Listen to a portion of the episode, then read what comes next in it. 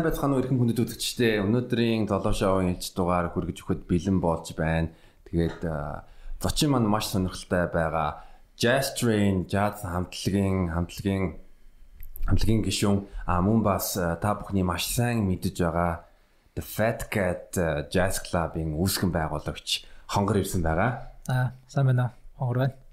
За урилга хүлээж авсанд маш их баярлалаа. Тэгээд ингээд өөрийг зингээ судалж байхад бас сонирхолтой фактууд гарч ирж байна. Одоо жишээ нь бас манай үзэгчд үзэж байгаа Late Night with Miko show-ын яг яг интроны хөгжимдэр бол оролцсон байгаа. Тий. Тэгээ бас аа нин түрүүн бас 9 сарын 30 төрс өдөртэй байсан байна. Төрс өдрийн баярын мэнд өнгөрсөн төрс өдрийн баярын мэнд төргий. Аа мөн бас Fat Cat Jazz Club үүсгэн байгуулсны 2 жилийн ой болж байгаа. Аа тий. Баярлалаа. Баяр үргэе.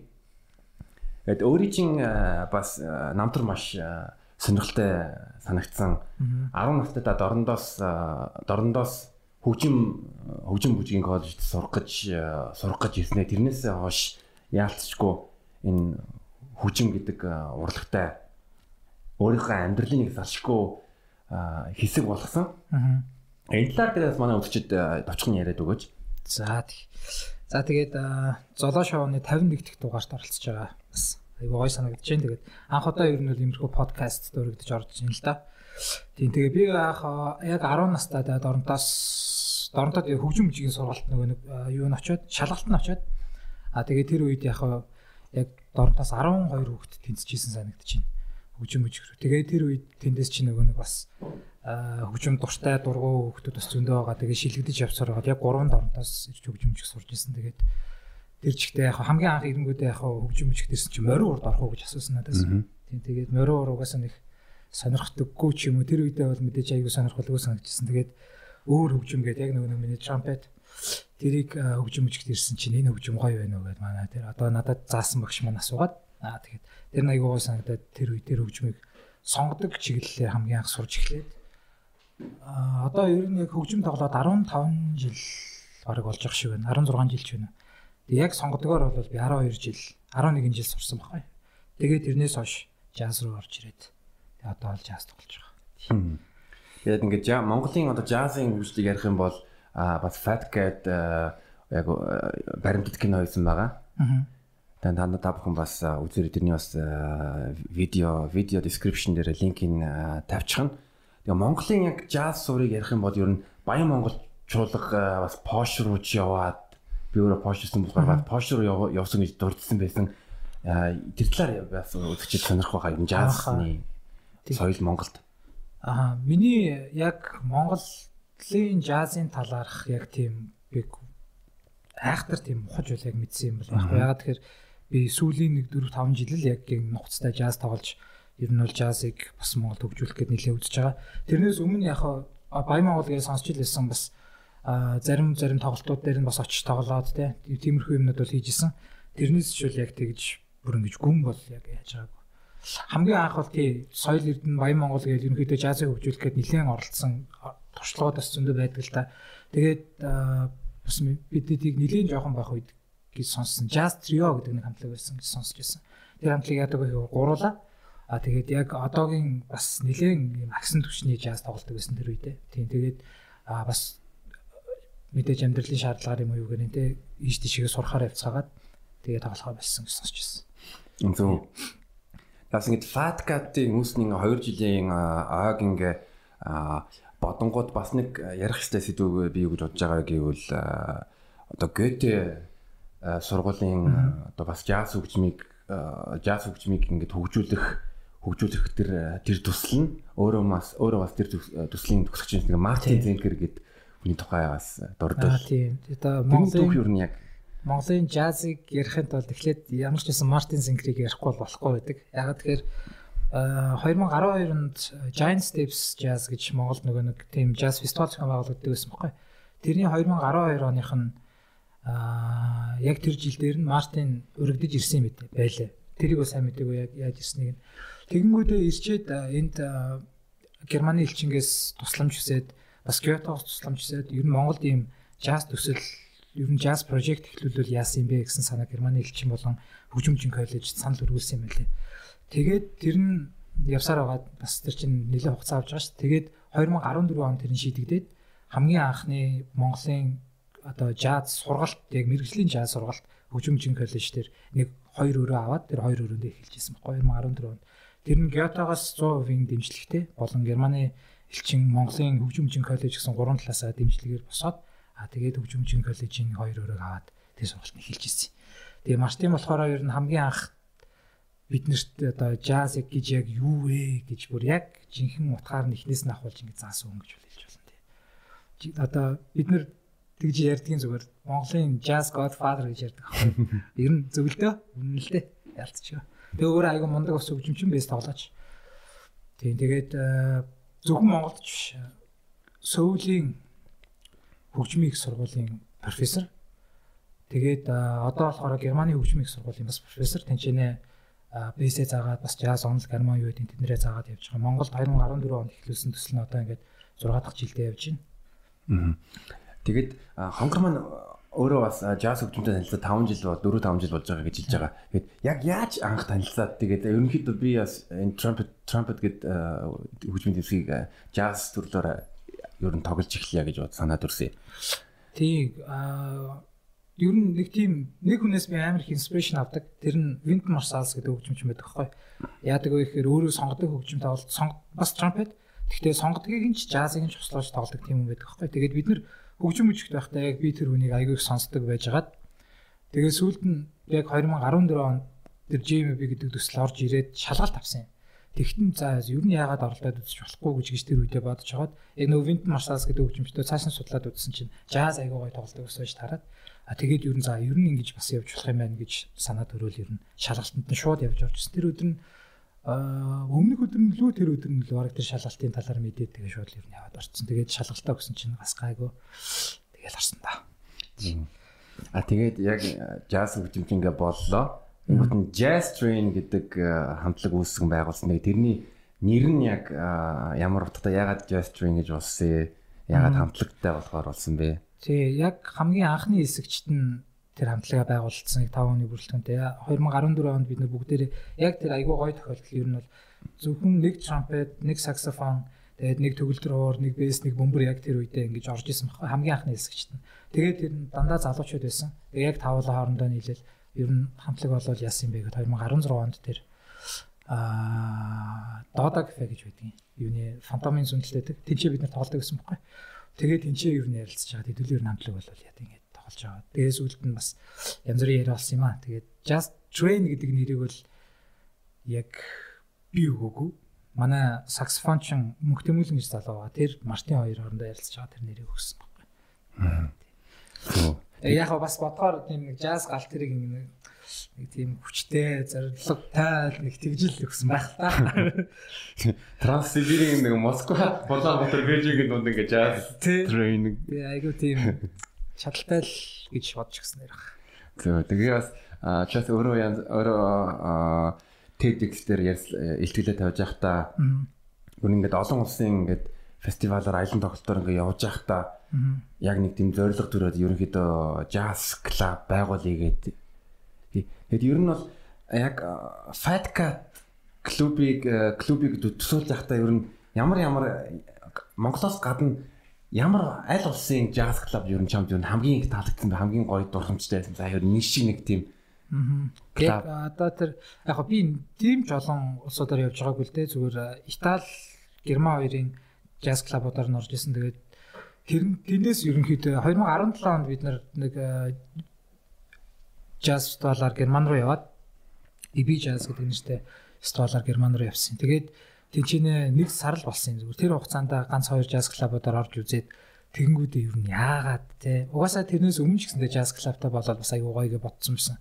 Тэгээ тэр клубуудаар орж үзээд бүр нэрээ юу нь яагаад Монголдо ийм jazz хөгжимчд тоглолдог юм гэршиг нэм газартай болж болохгүй гэж те тэгж бодоод ирсэн баггүй. Тэгээд хамгийн их инспирэшн авсан тэр газар бол Village Vanguard гэдэг нэг Америкт байдаг jazz club байдаг байхгүй. Тэгээ бүр яг ингээд орохоор нэг л яг л тийм гоё jazz орч угт завдаг. Тийм газар байд. Тэрнээс тэр нь тиймэрхүү байх юмсан даа гэсэн л бодолтой анх нийцсэн да. Зөв би бол яг Fat Cat руу нэлээд бол одоо орж байсан янз бүрийн одоо Ариогийн тоглолт үзэж байсан. Аа мөн бас ямар ямар тоглолт үзчихсэн бэлээ. Аа юу Тинүүний тэгээд Angels гэх мэтчлэн нэрсмэд одоо тэр дундын найз гэж байна Мори. Тий. Мори тэгээд бас Fat Cat төрсөдөр зохион байгуулсан жишээ жишээтэй. Тэгээд яг ингээд Fat Cat руу ингээд оронгууд нь нэг уур амьсгал нь яг нэг тийм яг яг л нэгтэй Америкт байгаа юм шиг гадаадд байгаа юм шиг нэг тийм бүр нэг нэг тийс өөр ертөнцийн мэдрэмж э, төрдөг л дөө. Бүр нэг гайхалтай. Тийм ер нь яг анх нэгтэл яг тийм байлах юмсан гэж ер нь зорж нээсэн. Тэгээд бас би ганцаараа нэгээгүй. Манай дүлгүүн гээд манай хамтарч нээсэн. Тийм Магнолиан дүлгүүнгээ манаас байгаа. Бид хоёр ер нь тэр яг тэр фестивалаас ирээд бүр ингээ бүх санаа ингээ дотор ингээ бууцсан бичиж мччихсэн тэгэл тэр санаануудаа дүлгүүн шууд очиж танилцуулж ирсэн байхгүй. Хоёулаа ер нь юм jazz club-тай болъё. Дүлгүүн аягүй гоё дэмжиэд тэгээ бид ер нь нийлээд клуб нэгжсэн. Тэгээ хамгийн анх нэгтээ ер нь л нэг тийм онцгой ороод ирэхэд нэг тийм өөр өөр амьсгалтай хүмүүс өө гэж бодтол нэг тийм гэхдээ юм том биш те. Ийм гоё жижигхэн тийм гоё өөр амьсгалтай клуб байгуулвал яасан юм бэ гэж анханасаа ярьж байгаа л тий. Тэгээс нэг өөр юм ярмаар байгаа. Чи яг TED TED Talk дээр бас хонгор ер нь бол урлагийн боловсролын тухай илтгэл байсан маа тэрийг бас та бүхэн сонсоод үзээрэй. А бас нэг 40% хүмүүс бас the crowd funding хийсэн гэж ярьсан маа. Тэрс fat cat руу оронгууд нь нэг тийм дурсгалын дурсгалын Тий, honor борч юм тий нэг самбар байгаа. Самбар байгаа тэр самбар дээр яг дэмжсэн хүмүүсээ нэрлэлсэн байгаа. Тэгээд ер нь чи бас өөрөө юу хийсэн юу хийсэн бэ гэвэл яг тэр хүмүүсээс одоо 1000 доллар юм уу босгож явах үед яг нүдэнд нь харуулт ярих хэрэгтэй гэж хэлжсэн. Тэр процессыг ярьж тэрнээс мөнгө босгох тий бас нэг бизнесийн хүчин бас нэг мөнгө босгох процесс ямар ч тэрнээс нэг хөвчлөлтэй төгөө бол бас сонирхолтой байхаа гэж бодож байна. Гэн тий яхаа хамгийн анх бол би дүлгөөнд Магнолинд хэлсэн санаа маань болохоор юу байсан бэхгүй. Зүгээр хоёлаа ингэж jazz club нээяа л гэж хэлснээс биш. Яг энэ crowd funding маягийн хийхийг л дүлгөөн санаачлаад А тэгээд дүлгөөний хүрээлэл одоо нөгөө нэг эхнэрийнх нь хүрээлэл тэгээ бас манай танилуд хүрээллүүд тэр ер нь яг ойр дотныхаа хүрээллүүдийнхаа хүмүүсрүүл ер нь хандсан л та. За тэгээд Fat Cat Jazz Club-ыг ер нь үүсгэн байгуулахад бас хүмүүсээс crowd funding хийсэн яг тэр талаар бас үдчихэд бас яриад өгвөл сонирхолтой төх болох байхаа.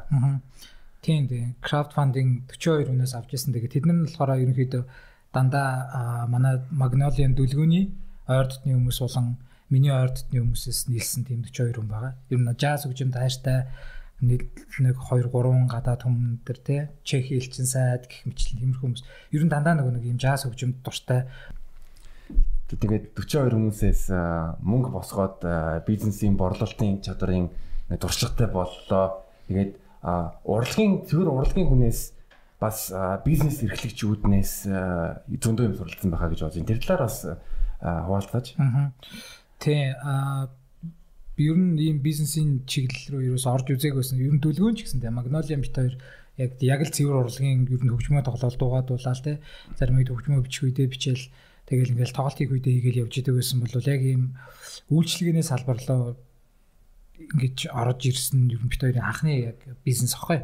Тэгээд юу ч мэдэхгүй орж ирж ирсэн. Тэгээд саяхан 2 жилийн хаа өмнөхөн бид тэр нөгөө битсэн чатнууд нэг нэг дөрвөө нөгөө нэг яг клаба байгуулах чахта иймэрхүү юм байвал яасан мас ингэж явуулжсэн зургнууд тэг өөртөө ингээ гараараа зурцсан юм. Орохоор манайхаар орохоор нэг юм хоёр арк байдаг шүү дээ. Тэр тайз руугаа хардаг. Тэр хоёр арк ингээ гараараа зурч мурцсан нэг тиймэрхүү зургнуудаа харсдаг. Айгаа гоё яасан гэдчихлээ.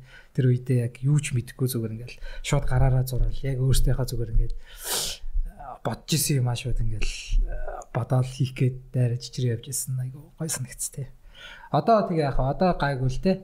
Хөгжмөө тоглолт яг анх клаба нээчид бол хажуугаар нь хөгжмөө тоолох ямарч завсар зай байхгүй те. Ингээл айгүй завгүй. Дандаа ингээд нэг шинэ хүмүүстэй ажиллах одоо тэр чин дандаа шинэ юм болж байгаа байхгүй бид хоёрын хувьд бол. Тэгээд тэрийгээ 2 жил болчлаа бас арай гайгүй болоод давхар хажуугаар нь хөгжмөө тоглоод ингээд тоглолтыг боломжтой бол явж байгаа даа бол тийм. Арай дээр завтай болоод. Аа жижигс активитет TEDx дээр бол ярьжсэн нь бол ер нь бол хөгжимчин хүн яг л Тэгээ биеийн тамирын тэгээ биеийн тамирчин юм шиг юу өдөрт бол 6-аас 8 цаг давтдаг байсан. Тэгэнгүүт нь бас зүгээр нэг юм үлээ. Үлээдэг нэг 2 цаг нэг тийм халаалт маягийн мэддэг. Тий. одоо яг л нөгөө нэг бие халаалт шиг л гэсэн үг л дээ тэр бол тэгхгүйгээр шууд одоо нөгөө нэг хүчний юм хийгээл эхлэхэр чинь одоо нөгөө хүний болчихсон яадаг үлээ те яг тэрнтэй адилхан жишээлбэл трампет ч байна уу бөмбөр байна уу төгөлдөр уур байна уу төгөлдөр уурч жишээлбэл тоглолтынхаа өмнө заавал ингэж нөгөө гараа халах хэрэгтэй байдаг Тэнгэр нөгөө гарын булчин булчингууд чинь өөрөө бас ингээд сулраад халаад тоглоход айгүй эвтэйхэн болоод ирдэг байхгүй юу. Бүх хөгжим дээр тийм байдаг. Үлээвэр хөгжим дээр ч гэсэн уруулаа халаана гэж юм байдаг байхгүй. Тэгэл ингээл дор аж нэг наан нэг цагийн ч юм уу за үнэхээр завгүй байлаа гэж бодоход 30 минутын ч юм уу зай гаргаж агаад наан нэг тийм бэлтгэл хийж иж хөгжмөө тоглол юм. Тэрэн дээр. Тийм. Тэгээ бас трампет хөгжмийг дэ Луи Армстронг бол одоо мундаг нэг жишээ нь байгаа Trumpet тоглох ер нь онцлог нь яг яг зүгээр jazz мэдгүй байгаа хүмүүст ер нь онцлогийн цагаан тайлбарлаад өгч юм бол ягаад trumpet ягаад trumpet таартай вэ? Аа яа. Мэдгүй би одоо тест ийм асуултанд хариулж үзэж байгаагүй юм. Энэ чинь яг би мэдээж энэ хөгжмөнд аюу хайртай. Тэ анханасаа тэгээд нөгөө нэг зөвхөн энэ хөгжмийг л тоглоно гэд шийдээ тоглож ирсэн болохоор гэх юм уу. Юу юм хүмүүс тайлбарлах юм бол одоо яг хүмүүс бол яг ингэж хардсан шүү дээ. Jazz бол саксофон ч юм уу тий. Хүмүүсийн яг нэг ойлголт нэг тиймэрхүү байдаг шүү дээ. Jazz одоо саксофон л байх юм бол ямар ч хамтлаг бай эсвэл гадуур нэг хүн саксофон тоглоо явжсэн ч гэсэн jazz гэж боддог шүү дээ. Яг тэр бол мэдээж үгүй. Jazz хөгжим гэдэг чинь өөрөө юм шал өөр урсгал чиглэл тэгээ мэдээж юм баг хамт олонтой хамтлагтай байж иж бас цаашаа ингэж явдаг тийм хөгжмийн урсгал бас тийм нөгөө нэг юмд баригддаг одоо ингээл юу ч те ямар нэгэн cover mower дээр хийдэж ш хамтлагууд чинь те. Тэгэл яг тэр тэр хөгжмөндөө ингэж баригдаж тоглолдог яг тэрийг л тэрнгээр нь тоглоно ингэж тоглоно гэдэг бол jazz хөгжим бол ерөөсөө тийм биш. Яг ингээд хүн өөрийнхөө юу бодож байгаагаа юу хэлэх гэж байгаагаа хөгжмөөрөө дамжуул шууд чөлөөтэй илэрхийлж болдог тийм хөгжим урсгал байхгүй. Тиймдээ ч юм уу trumpet бол яг айгуу гоё зөгцдөг юм шиг санагддаг надаа өөрөө ингээд нэг тийм юм ярьж байгаа юм шиг сонсогддог байхгүй тоглохоор. Эсвэл ер нь л яг л юм ярьж байгаа юм шиг л тийм мэдрэмж төрүүлдэг. Би хэлэх гэж байгаа юм аа зүгээр ингээ харж байгаа л одоо жишээлбэл би тоглолт хийж байхад урд нэг хүн өөдөөс арчаал те яадаг чи нэг жоохон дургуйслаа илэрхийлэх ч юм уу те тэгэх юм чангад ургаж болно нэр гэж те гих бичлээ ер нь гоё шүү дээ. Тэгээс ингээд а джазын яг гарал үүслийг авч үзэх юм бол маш их сонирхолтой байгаа. А би нэг джазын джазын одоо гарал үүслийн тухай нэг тийм баримтлах кино үз. Тэгээд тэрэн дээр а одоо New Orleans гэдэг Америк New Orleans байгаа та бүхэн жаа Катрина гэдэг одоо hurricane-ийг Монголоор хөжилдэг үлээ. Нөгөө нэг маш нэг хэдэн жилийн өмнө амар том өвмэн болж исэн. New Orleans гэдэг хотод бол ер нь jazz үүсч исэн. Тэнгүүд нь ragtime blues гэдэг хоёр урсгал микслээд а тэгэнгүүт нь хар Африкийн хар хар арстангууд мөн бас Европоос ирсэн одоо герман ч юм уу франц ч юм уу хүмүүс ингээл яг ингээл соёлын холилдоон донд ингээд соёлын мөн бодисын холилдоон донд үүссэн ингээд урсгалгаа яалтчгүй Америк Америк гэдэг зөндөө болон Америк jazz хөгжимч юу гэдэг байгаа вэ? Jazz хөгжим бол Америк үнцэнтэй одоо хүний эрхчлөө эрхчлөө өөрийгөө тийм илэрхийлэх илэрхийлэх тийм одоо ардчилсан ардчилсан тийм үнцнүүдийг илэрхийлдэг ялчгүй Америкийн хөгжим байгаа юм а гэж энэ талаар э, чи юу гэж бодож байна? Тийм зөв зөв. Тэр бол мэдээж New Orleans 1800-аад оны сүүл үеэр ерөнхийдөө үүсээд тэгээ 1920 он хавцаа байдаг хаа 20 оноос хойш яг энэ jazz үе гэж гарч ирсэн. А тэгээд тэр үеэсээ хойшоо ингээд ер нь одоо явсаар байгаад яг тэр үедээ бол jazz хөгжим бүжгийн хөгжим гэж бас нэрлэдэг байсан байна. Тэгээ яагаад тэгэхээр тэр чинь юм swing бүжиг, jazz бүжиг гэж байдаг ш. Тэр үед яг хөгжижсэн тийм бүжиг дээр нь ийм импровизац одоо орж ирээд одоо нэг хүний ингээд өөрийгөө илэрхийлэх гэж байгаа илэрхийлэмж нь гарч ирэнгүүт тэн дээр яг урталт нь тэр бүжигчт нь яг тэгж гоё тэрийг дагаж бүжиглдэг. Ер нь тиймэрхүү яг тийм бүжгийн хөгжим гэж бас нэрлэдэг байсан юм байна лээ. Тэгээд 1800-аад оны сүүлээс болохоор тэр чинь traditional jazz гэж эхлээд нэрлэгдэж явдаг байсан. Тэгээ яг зөв тэр ragtime blues тэр хөгжмүүд чинь ингэж холилдсон гэдэг нь бол яг тэр нь зөв. Тэгээд Тэрнээс хойш Dixieland Jazz гэж гарч ирээд одоо яг нөгөө нэг Louis Armstrong чинь тэр үедээ Hot 5, Hot 7 гэдэг хамтлагууд байгуулж ирсэн баггүй. Тэр нь Hot 5 нь яадаг байсан бэ гэхээр бөмбөргүү болон бэс хөгжимгүү тийм хамтлаг хамгийн анх үсээд тэрийг яг Dixieland гэж яагаад тэгэхээр банжотай банжон юуныхаа бөмбөрийнхөө үргийг үсдэг гэж явдаг нэг тийм. Энд чинь ийм банжоны ийм цар нь яг бөмбөрийн нөгөө нэг эснэрийн хальс шиг баггүй. Тэгээд яг тэрийг ингээд бөмбөр зогч байгаа юм шиг тэгж тоглолдог. тэрийг нь болохоор excellent jazz, traditional jazz гэж нэрлээд аа тэгээд тэрнээсээ хойшоо jazz хөгжим гэж яг jazz үе гэж гарч ирээд одоо хүртэл явж байгаа нь. Одоогийн бидний тоглоод байгаа jazz.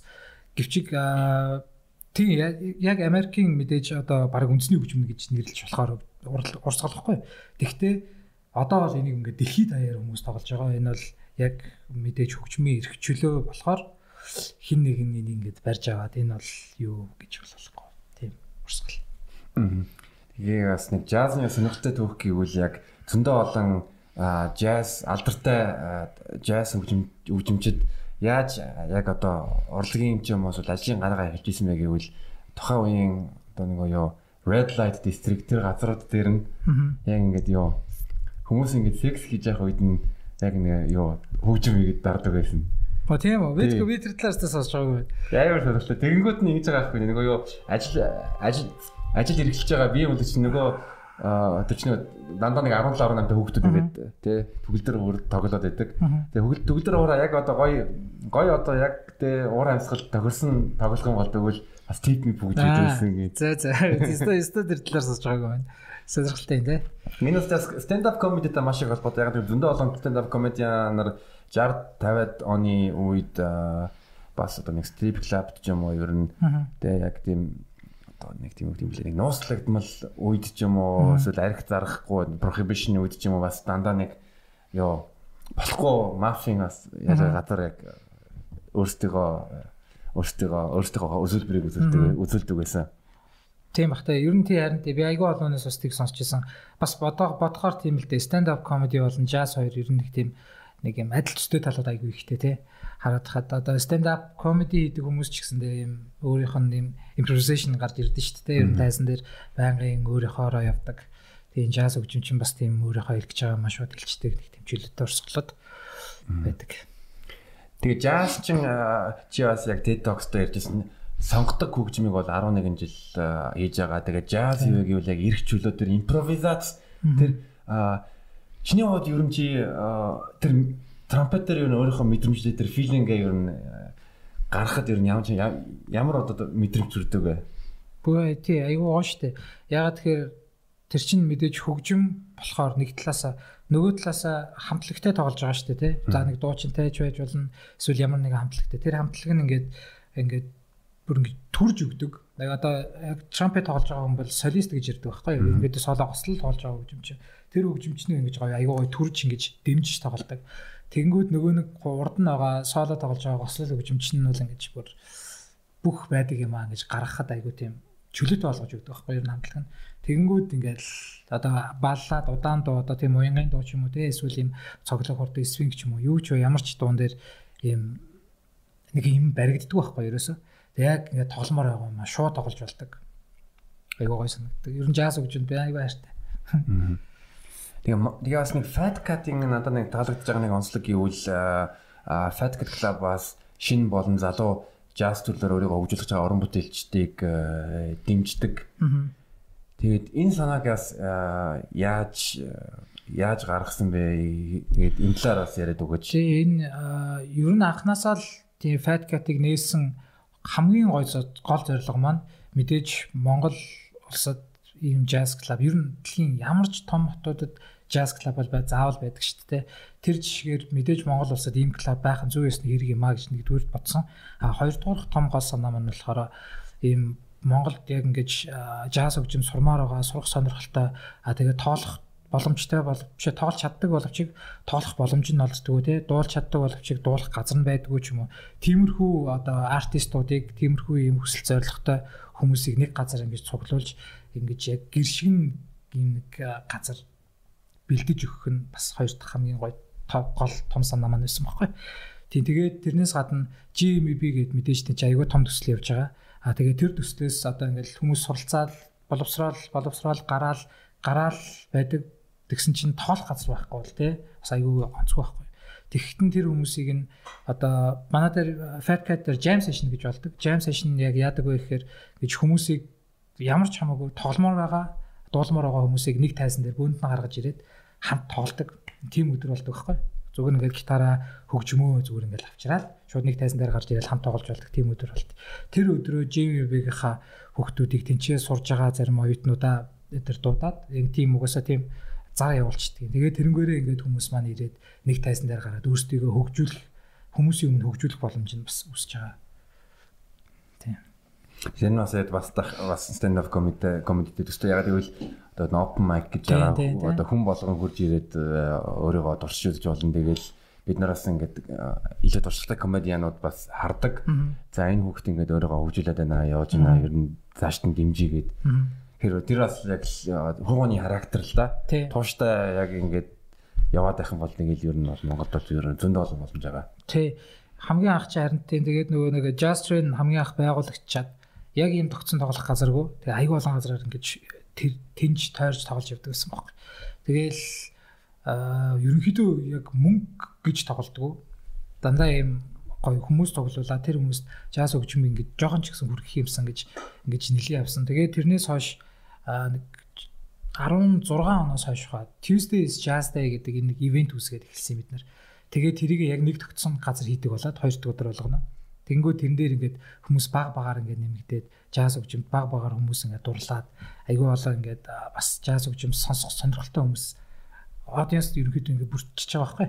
А тэгээд яг Fat Cat нэгдсэний дараа бол тэр хүмүүс оо ямар гоё юм бэ гэж хүлээж авсан.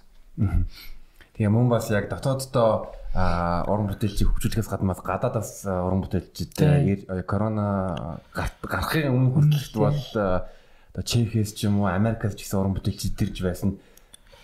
Тий, айгүй олон газараас хүмүүс ирсэн. Ер нь ойролцоогоор Fatcat нэгдснээс хойш тоолоход бол нэг 50-аад гадаад артист ирсэн байсан. Хөгжимчд дуучтайгаа нийлээд. А тэгвэл яг Fatcat бас ингэж дан ганцаараа авчиргаагүй. Тэр ерөнхийдөө бол яг нөгөө нэг JMB төслөөр ирсэн хүмүүс аахгүй.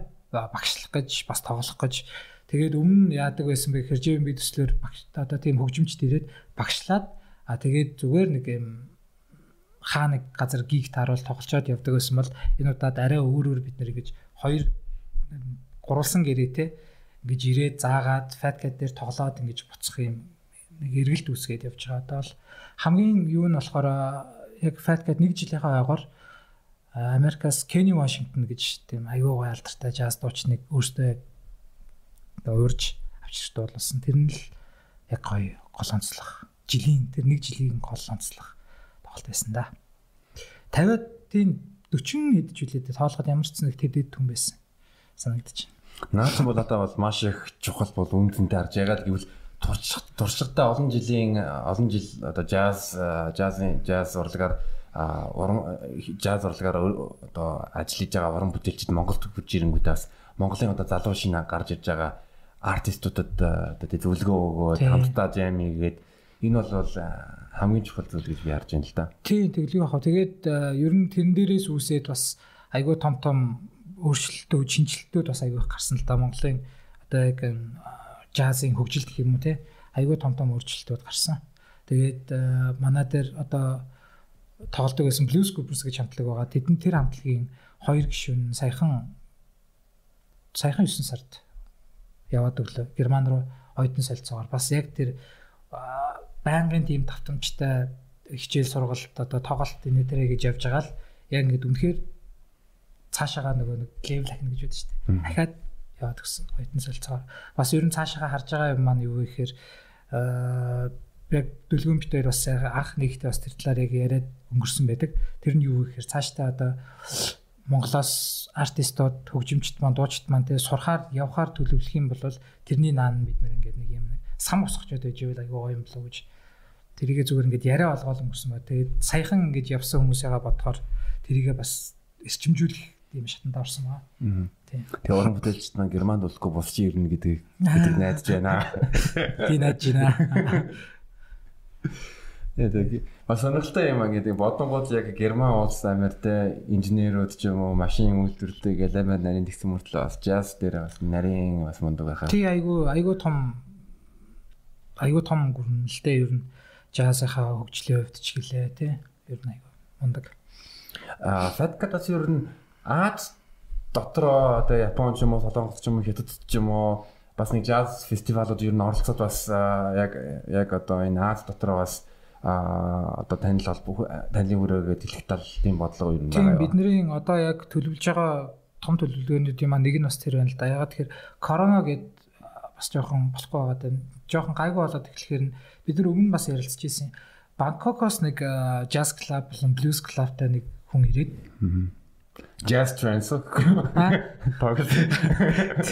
Нэг тийм хүн ирээд тэгээд нэг юм холбоо үүсэх маягаар явах талаар ярьсан. Тэр нь юу байсан бэ гэхээр ингээд нөгөө Азийн нөгөө нэг юунуудын орнуудын jazz club-уудыг ингэж бүгднийг ингэж бүглээд ерөнхийдөө нэг хөгжимчин артист ч юм уу те ирж тоглолоо гэж бодоход шууд тэгж тойрч тоглолдог нэг тийм холбоо үүсгэе гэж ярилцсан. Тэгээд тэрийг одоо коронагийн дараа л бодит болох гол ерөнхийдөө үзэж байгаа.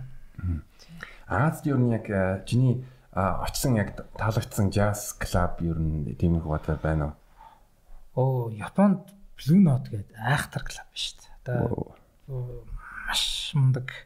Blue Note ч одоо хэдэн сэлбэрт ямар ч хамгийн анхных нь Америкт үссэн гэж байна. За миний санаж агаар дуучин наран ихч бас нэг Blue Note-д нэг нэг салбарт нь тоглол хийжсэн юм шиг байлаа Японд. Тийм үү? Тийм. Blue Note тийм. Blue Note айгүй амар том газар.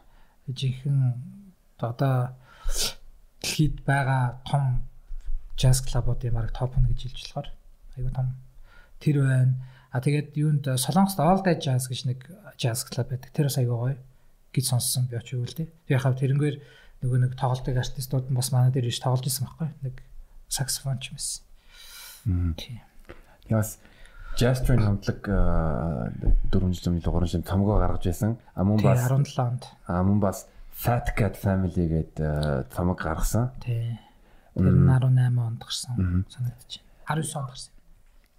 Яваас одоо jazz хөгжмийг Монголд ингээд соён дэлгэрүүлэх тал дээр өшөө цомгийн ер нь төлөвлөгөөнүүд байна уу? Бага. Ер нь энэ цомгийн ажлыг Fat Cat-аас гаргаж байгаа цомгийн ажлыг эхлэхдээ нийтдээ 9 цомгийн гэсэн төлөвлөгөөтэй хийсэн байгаа. Тэгээд хэрвээ та нар анзаарсан бол ийм цомгийн маань нэг cover зураг нь юм нэг бахан мууртай. Тэгээд 9 цомог гарахаараа ийм нэг том ийм том юм юу болох байхгүй. Нөгөө хооронд нь нийлүүлэхээр мэвлүүлдэг зураг шиг. Инстаграмын нөгөө нэг олон юутай одоогоо яасан шиг тийм үү. Тэгээд өсвөлнгийн хооронд нь нийлүүлэхээр нэг юм том зураг гарч ирэх хэвээр. Тэгээд хоёр дахь цомгийнхаа ажилд орсон байгаа. Бодохгүй ерөнхийдөө нэг оны дараагаас дуусчих бах. Тий. Ерөнхийдөө 9 цомог гарна гэж бэлдэж байгаарэ. Би бас яг анх асуух гэсэн асууга асуулт одоо санджглаа. А Fat Cat гэд э, нэрний утгыг ер нь санаа нь яг бас. Би бол нэг юм хилэнгүүд нь одоо Magnolia-ны сториг харангууд нь муурдж идэг жишээ нэ. Аа. Аа. Тэгээ Fat Cat чинь яг санаа нь бол Cat гэдэг нь мэдээж нөгөө нэг jazz хөгжимчид артистууд нэг нэг нэгээр Cats гэж дууддаг угаасаа. Тэгээ тэрнээс нь санаа аваад мэдээж тэр нь бол Cat. А анхны нэр бол Fit Cat байсан юм. Тэр нэг тийм нэг тийм жимний жимд явдаг муу шиг эсвэл нэг тийм амар гоолыг муу шиг санагдаад тэгээ фат болох уу гэ. За тэгээ фат болгоё. Тэгсэн чинь шууд юм үзэтэй муу шууд гараад ирсэн тэгэл. Нэрээ яалчгүй тийш ингээд би би бас нэг юу Duke Ellington-ы нэг юуг намтрыг нь уншиж ирсэн маа. Бас нэг 10 жил байхдаа пост. Тэгэл яг л нөгөө this cat oh that cat is plays really good гэдэг. Тэгээ тэгсэн чинь яг Монгол бол эсрэгээр эсрэгээр авахгүй дээ. Америкт кад гингүүд монголчууд хоорондоо гүлгэн мэн. Тий, нэр нь тэгж гарч ирсэн нэр. Ер нь тэгээд бас юу чин яг jazz дотор swing гэж байдаг. Тиймэрхүү яг нэг нэг сонсохоор шууд ингэж муур алхаж байгаа юм шиг мэдрэмж төрдөг байхгүй. Шууд ингэ муур алхаж байгаа юм шиг мэдрэмж төрдөг. Тэрнээс бас санаа авсан л та. Мөн бас ингээд Том Jerry эсвэл Америкийн яг 60 оны Google-тэй үзэнгүүт нь jazz янз бүрийн одоо а jazz юм уу big band swing амтлагуудын яг тэр аюудыг ашигласан байл ш. Том Jerry дээр ч гэсэн ингээл би бинийг хөдөлж яхад ч юм уу. Тийм ашиглах жоохоо Том Jerry чинь өөрөө бол мандаг том хөгжмийн зохиолчтой мундаг том хөгжмийн мундаг том хөгжмөнтэй хөгөлтэй гинэ шүү дээ. Тий. Тэгээд ер нь Тэг Google-ийн кинонууд дээр юу нэг хөвчлэн гэж юм явж байдаг те. Аа. Айгуу тийм хөвчлөлтэй хөвчлөлтэй хөвцөлж явах үед нэрээ тийм те. Тийм. Химиасын асуу маань газал гэвэл ер нь бол таад дархан эрдэнэт мөн бас орон нутгаар жазик соён дэлгэрүүлэх гэж бодож байгаа юу? Яас нэг тийм Тий. Яах юм бэ? Үгүй ээ наа чин жоохон байж байгаад хийх гэж байгаа нэг юм ба. Аа би ямар амар мэдвэжтэй юм бэ? Бид нэр юм чадвал яг яг корона сайхан доосонгод нь дулаан цагаар дараа жилийн 100 ч юм уу те тийм цагаар юм jazz train гэдэг юм аялал хийх гээд байгаа байхгүй.